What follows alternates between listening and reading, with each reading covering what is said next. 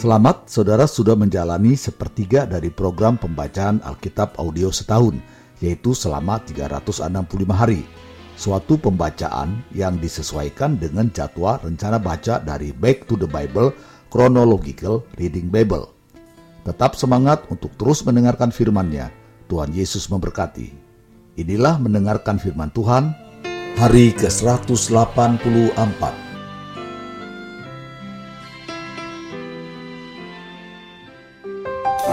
Dua Raja-Raja pasal 5 ayat 1 sampai 27. Naaman disembuhkan. Naaman, panglima Raja Aram, adalah seorang terpandang di hadapan tuannya dan sangat disayangi. Sebab oleh dia Tuhan telah memberikan kemenangan kepada orang Aram. Tetapi orang itu seorang pahlawan tentara sakit kusta. Orang Aram pernah keluar bergerombolan dan membawa tertawan seorang anak perempuan dari negeri Israel. Ia menjadi pelayan pada istri Naaman. Berkatalah gadis itu kepada nyonyanya, Sekiranya tuanku menghadap nabi yang di Samaria itu, maka tentulah nabi itu akan menyembuhkan dia dari penyakitnya. Lalu pergilah Naaman memberitahukan kepada tuannya, katanya, Begini, beginilah dikatakan oleh gadis yang dari negeri Israel itu. Maka jawab Raja Aram, Baik, pergilah dan aku akan mengirim surat kepada Raja Israel. Lalu pergilah Naaman dan membawa sebagai persembahan sepuluh talenta perak dan enam ribu shikal emas dan sepuluh potong pakaian. Ia menyampaikan surat itu kepada Raja Israel yang berbunyi, Sesampainya surat ini kepadamu, maklumlah kiranya bahwa aku menyuruh kepadamu Naaman pegawaiku supaya engkau menyembuhkan dia dari penyakit kustanya. Segera sesudah Raja Israel membaca surat itu, dikoyakkannyalah pakaiannya serta berkata, Allahkah aku ini yang dapat mematikan dan menghidupkan, sehingga orang ini mengirim pesan kepadaku, supaya kusembuhkan seorang dari penyakit kustanya? Tetapi sesungguhnya perhatikanlah dan lihatlah, ia mencari gara-gara terhadap aku.' Segera sesudah didengar Elisa, abdi Allah itu bahwa Raja Israel mengoyakkan pakaiannya, dikirimnyalah pesan kepada Raja, bunyinya, Mengapa engkau mengoyakkan pakaianmu? Biarlah ia datang kepadaku, supaya ia tahu bahwa ada seorang nabi di Israel. Kemudian datanglah Naaman dengan kudanya dan keretanya, lalu berhenti di depan pintu rumah Elisa. Elisa menyuruh seorang suruhan kepadanya, mengatakan, Pergilah mandi tujuh kali dalam sungai Yordan, maka tubuhmu akan pulih kembali sehingga engkau menjadi tahir. Tetapi pergilah Naaman dengan gusar sambil berkata, Aku sangka bahwa setidak-tidaknya ia datang keluar dan berdiri memanggil nama Tuhan Allahnya, lalu menggerak-gerakkan tangannya di atas tempat penyakit itu dan dengan demikian menyembuhkan penyakit kustaku. Bukankah Abana dan Parpar, sungai-sungai Damsik, lebih baik dari segala sungai di Israel? Bukankah aku dapat mandi di sana dan menjadi tahir? Kemudian berpalinglah ia dan pergi dengan panas hati. Tetapi pegawai-pegawainya datang mendekat serta berkata kepadanya, Bapak, seandainya Nabi itu menyuruh perkara yang sukar kepadamu, bukankah Bapak akan melakukannya? Apalagi sekarang, ia hanya berkata kepadamu, Mandilah dan engkau akan menjadi tahir.' Maka turunlah ia membenamkan dirinya tujuh kali dalam sungai Yordan, sesuai dengan perkataan abdi Allah itu. Lalu pulihlah tubuhnya kembali seperti tubuh seorang anak dan ia menjadi tahir. Kemudian kembalilah ia dengan seluruh pasukannya kepada abdi Allah itu. Setelah sampai, tampillah ia ke depan Elisa dan berkata, "Sekarang aku tahu bahwa di seluruh bumi tidak ada Allah kecuali di Israel. Karena itu terimalah kiranya suatu pemberian dari hambamu ini.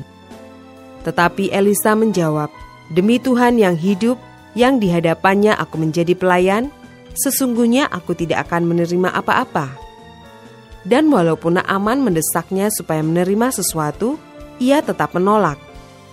Akhirnya berkatalah Naaman, Jikalau demikian, biarlah diberikan kepada hambamu ini tanah sebanyak muatan sepasang bagal, Sebab hambamu ini tidak lagi akan mempersembahkan korban bakaran atau korban sembelihan kepada Allah lain kecuali kepada Tuhan. Dan kiranya Tuhan mengampuni hambamu ini dalam perkara yang berikut. Apabila tuanku masuk ke kuil Rimon untuk sujud menyembah di sana, dan aku menjadi pengapitnya, sehingga aku harus ikut sujud menyembah dalam kuil Rimon itu, kiranya Tuhan mengampuni hambamu ini dalam hal itu. Maka berkatalah Elisa kepadanya, pergilah dengan selamat. Setelah Naaman berjalan tidak berapa jauh daripadanya, berpikirlah Gehasi bujang Elisa abdi Allah. Sesungguhnya tuanku terlalu menyegani Naaman orang Aram ini dengan tidak menerima persembahan yang dibawanya. Demi Tuhan yang hidup, sesungguhnya aku akan berlari mengejar dia dan akan menerima sesuatu daripadanya. Lalu Gehasi mengejar Naaman dari belakang. Ketika Naaman melihat ada orang berlari-lari mengejarnya, turunlah ia dengan segera dari atas kereta untuk mendapatkan dia dan berkata, Selamat. Jawabnya, Selamat. Tuanku Elisa menyuruh aku mengatakan, baru saja datang kepadaku dua orang muda dari pegunungan Efraim, dari antara rombongan nabi. Baiklah berikan kepada mereka setalenta perak dan dua potong pakaian. Naaman berkata, silahkan, ambillah dua talenta. Naaman mendesak dia dan membungkus dua talenta perak dalam dua pundi-pundi dan dua potong pakaian, lalu memberikannya kepada dua bujangnya. Mereka ini mengangkut semuanya di depan Kehasi. Setelah mereka sampai ke bukit, disambutnyalah dari tangan mereka, disimpannya di rumah, dan disuruhnya kedua orang itu pergi maka pergilah mereka. Baru saja Gehasi masuk dan tampil ke depan tuannya, berkatalah Elisa kepadanya, Dari mana Gehasi? Jawabnya, hambamu ini tidak pergi ke mana-mana. Tetapi kata Elisa kepadanya, Bukankah hatiku ikut pergi ketika orang itu turun dari atas keretanya mendapatkan engkau? Maka sekarang engkau telah menerima perak dan dengan itu dapat memperoleh kebun-kebun kebun zaitun, kebun anggur, kambing domba, lembu sapi, budak laki-laki, dan budak perempuan. Tetapi penyakit kusta Naaman akan melekat kepadamu dan kepada anak cucumu untuk selama-lamanya. Maka keluarlah Gehasi dari depannya dengan kena kusta, putih seperti salju. Dua Raja-Raja pasal 6 ayat 1 sampai 7. Kapak timbul mengapung. Pada suatu hari berkatalah rombongan Nabi kepada Elisa, Cobalah lihat, tempat tinggal kami di dekatmu ini adalah terlalu sesak bagi kami. Baiklah kami pergi ke sungai Yordan dan masing-masing mengambil satu balok dari sana, supaya kami membuat tempat tinggal untuk kami. Jawab Elisa, Pergilah, lalu berkatalah seorang, Silahkan, ikutlah dengan hamba-hambamu ini. Jawabnya, Baik, aku akan ikut. Maka ikutlah ia dengan mereka. Setelah mereka sampai di sungai Yordan, mereka pun menebang pohon-pohon. Dan terjadilah ketika seorang sedang menumbangkan sebatang pohon, jatuhlah mata kapaknya ke dalam air. Lalu berteriak-teriaklah ia, "Wahai tuanku, itu barang pinjaman." Tetapi berkatalah abdi Allah, "Ke mana jatuhnya?" Lalu orang itu menunjukkan tempat itu kepadanya. Kemudian Elisa memotong sepotong kayu, lalu dilemparkannya ke sana.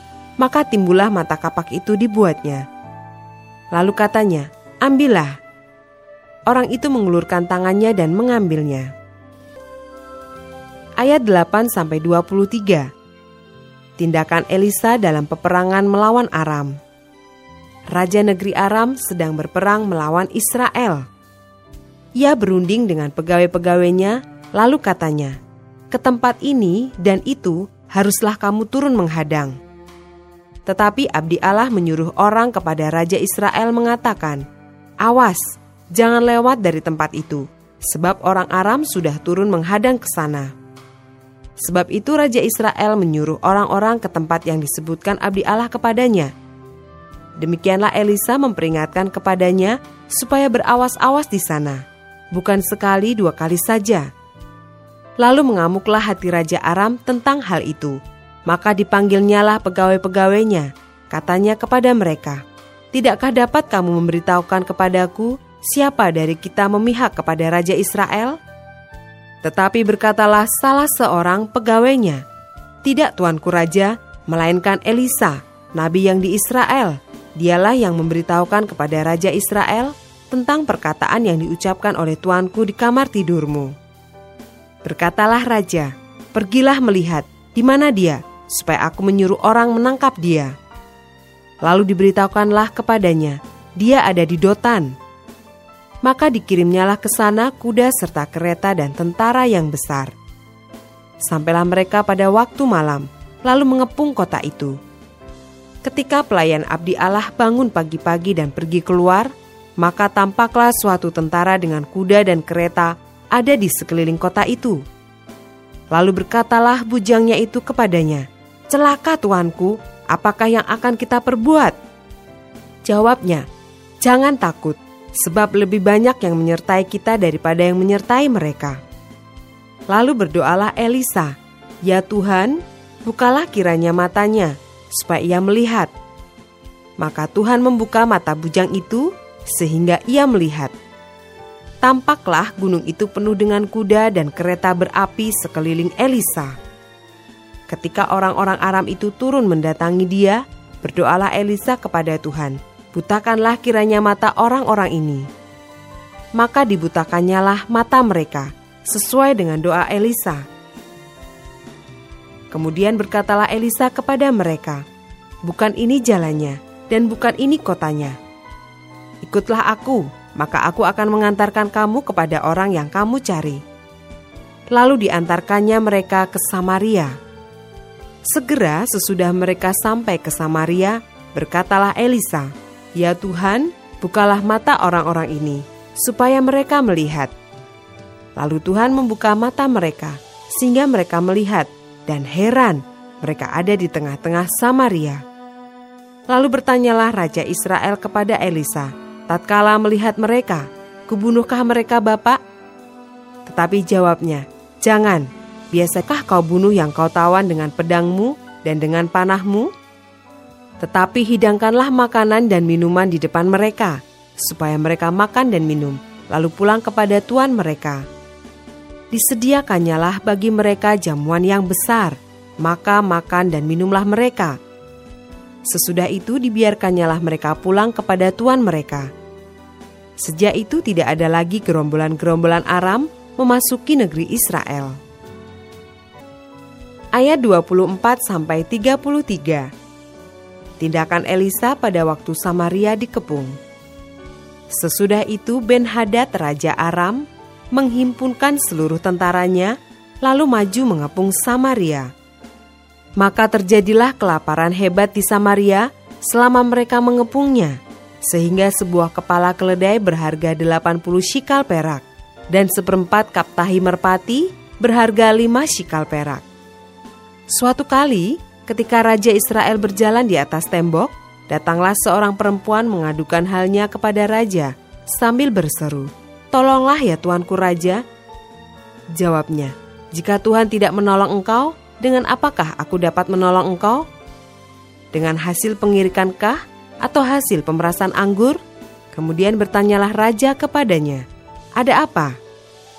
Jawab perempuan itu, "Perempuan ini berkata kepadaku, berilah anakmu laki-laki, supaya kita makan dia pada hari ini, dan besok akan kita makan anakku laki-laki. Jadi kami memasak anakku dan memakan dia. Tetapi ketika aku berkata kepadanya pada hari berikutnya, berilah anakmu, supaya kita makan dia, maka perempuan ini menyembunyikan anaknya. Tatkala raja mendengar perkataan perempuan itu, dikoyakkannyalah pakaiannya, dan sedang ia berjalan di atas tembok, kelihatanlah kepada orang banyak bahwa ia memakai kain kabung pada kulit tubuhnya. Lalu berkatalah raja, "Beginilah kiranya Allah menghukum aku, bahkan lebih daripada itu, jika masih tinggal kepala Elisa bin Safat di atas tubuhnya pada hari ini." Adapun Elisa duduk-duduk di rumahnya, dan para tua-tua duduk bersama-sama dia. Raja menyuruh seorang berjalan mendahuluinya, tetapi sebelum suruhan itu sampai kepada Elisa, Elisa sudah berkata kepada para tua-tua itu, Tahukah kamu bahwa si pembunuh itu menyuruh orang untuk memenggal kepalaku? Awas-awaslah apabila suruhan itu datang. Segeralah tutup pintu dan tahanlah dia supaya orang itu jangan masuk. Bukankah sudah kedengaran bunyi langkah tuanya di belakangnya? Selagi ia berbicara dengan mereka, datanglah raja mendapatkan dia. Berkatalah raja kepadanya, Sesungguhnya malapetaka ini adalah daripada Tuhan. Mengapakah aku berharap kepada Tuhan lagi? Dua Raja-Raja pasal 7 ayat 1 sampai 20. Lalu berkatalah Elisa, "Dengarlah firman Tuhan. Beginilah firman Tuhan: Besok kira-kira waktu ini sesukat tepung yang terbaik akan berharga sesikal dan dua sukat jelai akan berharga sesikal di pintu gerbang Samaria. Tetapi perwira yang menjadi ajudan raja menjawab abdi Allah, katanya, Sekalipun Tuhan membuat tingkap-tingkap di langit, masakan hal itu mungkin terjadi? Jawab abdi Allah, Sesungguhnya engkau akan melihatnya dengan matamu sendiri, tetapi tidak akan makan apa-apa daripadanya. Empat orang yang sakit kusta ada di depan pintu gerbang. Berkatalah yang seorang kepada yang lain, "Mengapakah kita duduk-duduk di sini sampai mati?" Jika kita berkata, "Baiklah, kita masuk ke kota," padahal dalam kota ada kelaparan, kita akan mati di sana. Dan jika kita tinggal di sini, kita akan mati juga. Jadi sekarang, marilah kita menyeberang ke perkemahan tentara Aram. Jika mereka membiarkan kita hidup, kita akan hidup.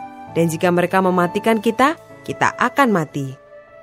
Lalu pada waktu senja, bangkitlah mereka masuk ke tempat perkemahan orang Aram. Tetapi ketika mereka sampai ke pinggir tempat perkemahan orang Aram itu, tampaklah tidak ada orang di sana.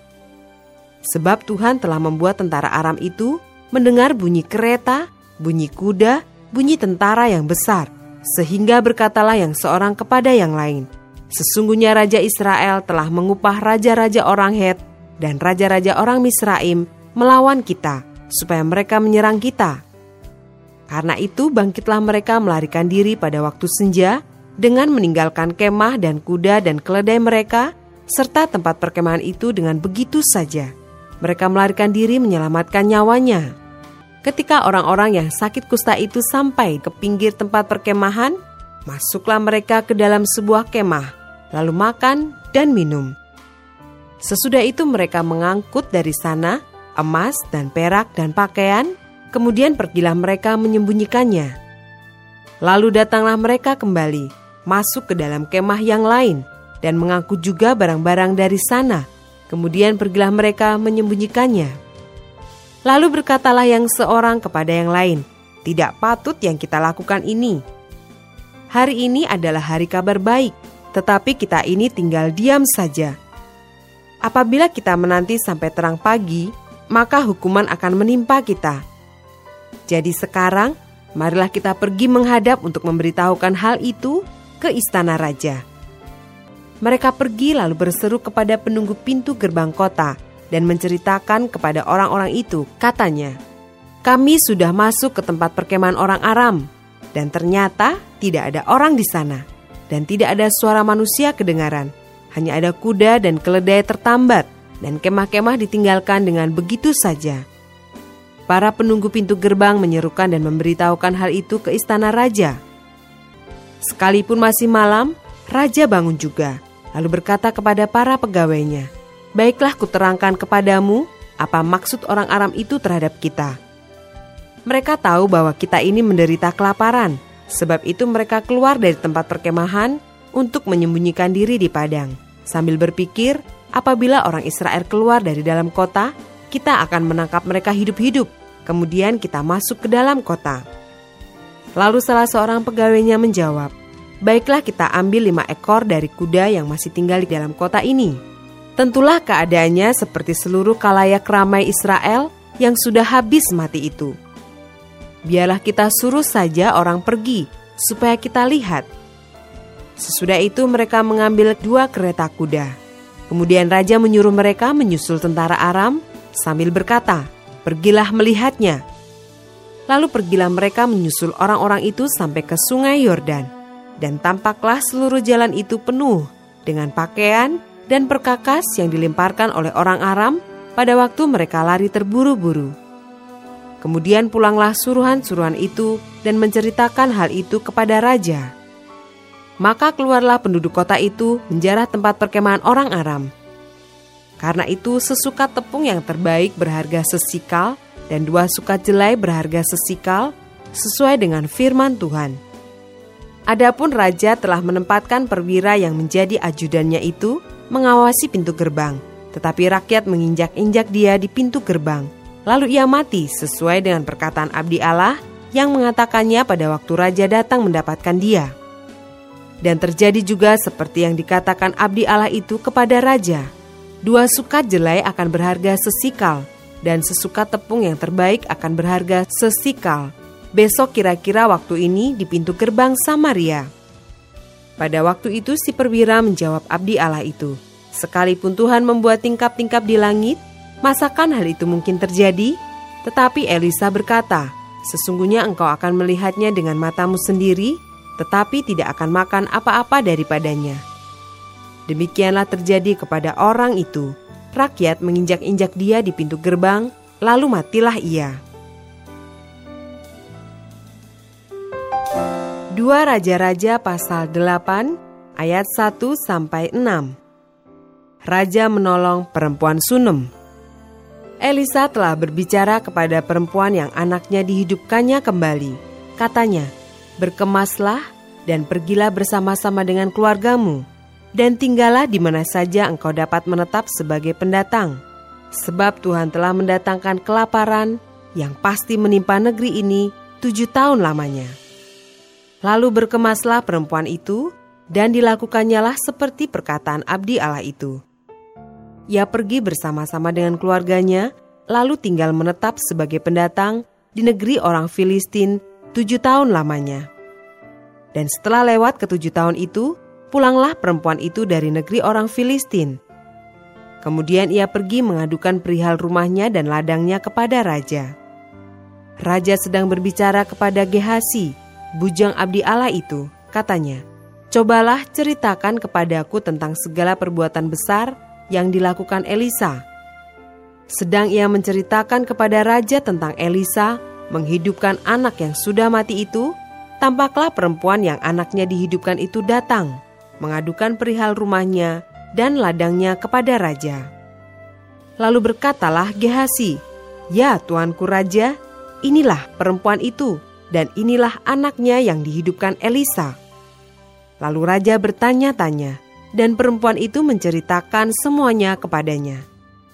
Kemudian raja menugaskan seorang pegawai istana menyertai perempuan itu dengan pesan, "Pulangkanlah segala miliknya dan segala hasil ladang itu sejak ia meninggalkan negeri ini sampai sekarang." Ayat 7 sampai 15. Elisa di Damsyik Elisa masuk ke Damsyik. Dan pada waktu itu Ben Hadad Raja Aram sedang sakit. Ketika dikabarkan kepada raja, sudah datang abdi Allah kemari, berkatalah ia kepada Hasael, Ambillah persembahan, pergilah menyongsong abdi Allah itu, dan mintalah petunjuk Tuhan dengan perantaraannya, sembuhkah aku dari penyakit ini? Lalu pergilah Hasael menyongsong dia, Diambilnyalah persembahan berupa segala barang yang indah-indah dari Damsyik, sebanyak muatan 40 ekor unta. Sesudah sampai, tampilah ia ke depan Elisa dan berkata, Anakmu Ben Hadad Raja Aram menyuruh aku menanyakan kepadamu, apakah aku akan sembuh dari penyakit ini? Jawab Elisa kepadanya, Pergilah, katakanlah kepadanya, pastilah engkau sembuh. Namun demikian, Tuhan telah memperlihatkan kepadaku bahwa ia pasti mati dibunuh. Elisa menatap dengan lama ke depan, lalu menangislah abdi Allah itu. Hasael berkata, "Mengapa tuanku menangis?" Jawab Elisa, "Sebab aku tahu bagaimana malapetaka yang akan kau lakukan kepada orang Israel. Kotanya yang berkubu akan kau campakkan ke dalam api, turunannya akan kau bunuh dengan pedang, bayinya akan kau remukan dan perempuannya yang mengandung akan kau belah. Sesudah itu berkatalah Hasael, tetapi apakah hambamu ini yang tidak lain dari anjing saja, sehingga ia dapat melakukan hal sehebat itu? Jawab Elisa, Tuhan telah memperlihatkan kepadaku bahwa engkau akan menjadi raja atas Aram. Lalu ia pergi dan meninggalkan Elisa, dan setelah ia sampai kepada tuannya, berkatalah raja kepadanya, Apakah dikatakan Elisa kepadamu? Jawabnya, ia berkata kepadaku bahwa pastilah engkau sembuh. Tetapi keesokan harinya, ia mengambil selai selimut yang telah dicelupkannya ke dalam air dan membentangkannya ke atas muka raja. Jadi matilah raja, dan Hasael menjadi raja menggantikan dia. Ayat 16-24 Yoram, Raja Yehuda dalam tahun kelima zaman Yoram, anak Ahab, Raja Israel, pada waktu itu Yosafat adalah Raja Yehuda. Yoram, anak Yosafat, Raja Yehuda menjadi raja. Ia berumur 32 tahun pada waktu ia menjadi raja dan 8 tahun lamanya ia memerintah di Yerusalem. Ia hidup menurut kelakuan raja-raja Israel seperti yang dilakukan keluarga Ahab. Sebab yang menjadi istrinya adalah anak Ahab ia melakukan apa yang jahat di mata Tuhan. Namun demikian Tuhan tidak mau memusnahkan Yehuda oleh karena Daud hambanya, sesuai dengan yang dijanjikannya kepada Daud bahwa ia hendak memberikan keturunan kepadanya dan kepada anak-anaknya untuk selama-lamanya. Pada zamannya memberontaklah Edom dan melepaskan diri dari kekuasaan Yehuda, dan mereka mengangkat seorang raja atas mereka sendiri. Maka majulah Yoram ke Zair bersama-sama dengan seluruh keretanya. Pada waktu malam bangunlah ia, lalu bersama-sama dengan para panglima pasukan kereta, ia menerobos barisan orang Edom yang mengepung dia, tetapi rakyatnya melarikan diri pulang ke kemahnya.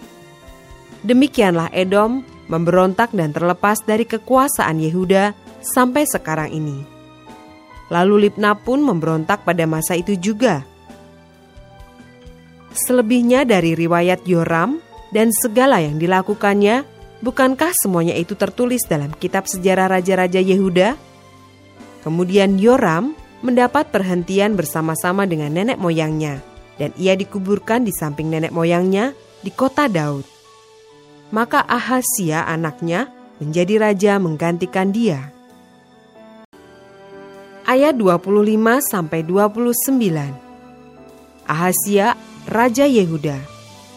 Dalam tahun ke-12 zaman Yoram, anak Ahab Raja Israel, Ahasia anak Yoram Raja Yehuda menjadi raja.